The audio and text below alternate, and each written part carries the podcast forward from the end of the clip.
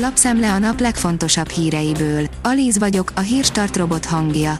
Ma július 26-a, Anna és Anikó névnapja van. Koporsót vittek a futárok a parlament elé, amiben aztán minden tiltakozó eltemethette saját álmait. A hétfői tüntetés az Oktogonnál rendőri igazoltatással ért véget, áll a 444.hu cikkében. A népszava írja, német Zsoltnak fel sem tűnt a fajok keveredéséről szóló rész a miniszterelnöki beszédben. Legalábbis nem említette meg, amikor a beszédet követő kritikákról és azok értelmezéséről beszélt. A magyar mezőgazdaság szerint Krisna völgyi búcsú aktuális és üzenete van.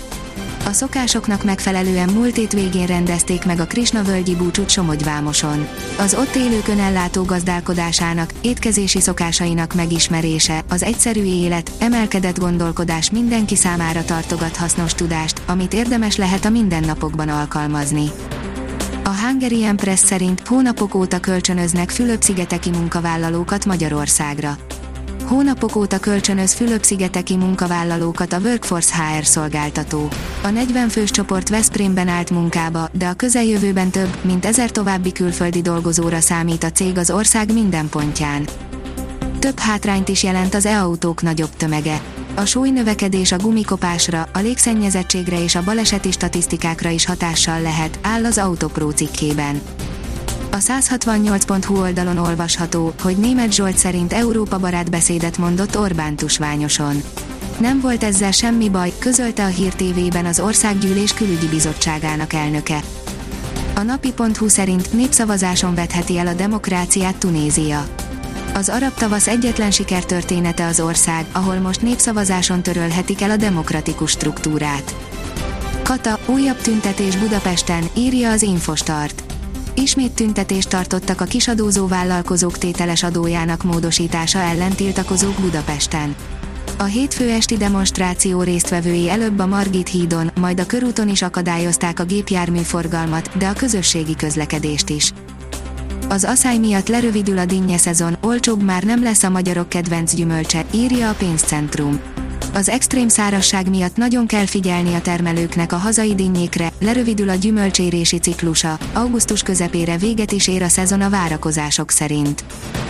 A privát bankár szerint megfurhatják a tagállamok Brüsszel gázmegtakarítási tervét.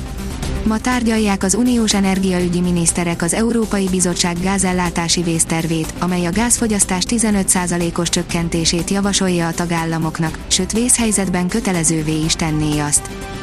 A hvg.hu oldalon olvasható, hogy David Attenborough-ról nevezték el az első ragadozó állatot. David Attenborough brit természettudósról és műsorvezetőről nevezték el annak az 560 millió éves élőlénynek a kövületét, amelyről a kutatók úgy vélik, hogy az első ragadozó állat lehetett írja az MTI. Az Eurosport oldalon olvasható, hogy hullanak a hazai versenyzők is az első fordulóban az Atlantai tornán. A hazai közönség előtt szereplő Sebastian Korda és Marcos Giron is kiesett az első fordulóban a 710 ezer dollár díjazású atlantai keménypályás férfi tenisztornán hétfőn. A rangadó írja, csak semmi pirózás. Bekeményítenek az angolok. Kitiltások várhatók pályára szaladásért is a szigetországi meccseken. Az Alföldre jut a legkevesebb eső a hidegfrontból. Északnyugat felől egyre nagyobb területen alakulhat ki zápor, zivatar. A Dunántúlon várható a legtöbb csapadék, a rendkívüli asszály sújtotta Alföldre azonban alig jut, több helyen egy csepp sem fog esni az éltető esőből, áll a kiderült cikkében.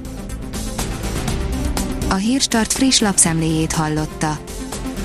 Ha még több hírt szeretne hallani, kérjük, látogassa meg a podcast.hírstart.hu oldalunkat, vagy keressen minket a Spotify csatornánkon. Az elhangzott hírek teljes terjedelemben elérhetőek weboldalunkon is. Ha weboldalunkon hallgat minket, az egyel korábbi adás lejátszása automatikusan elindul.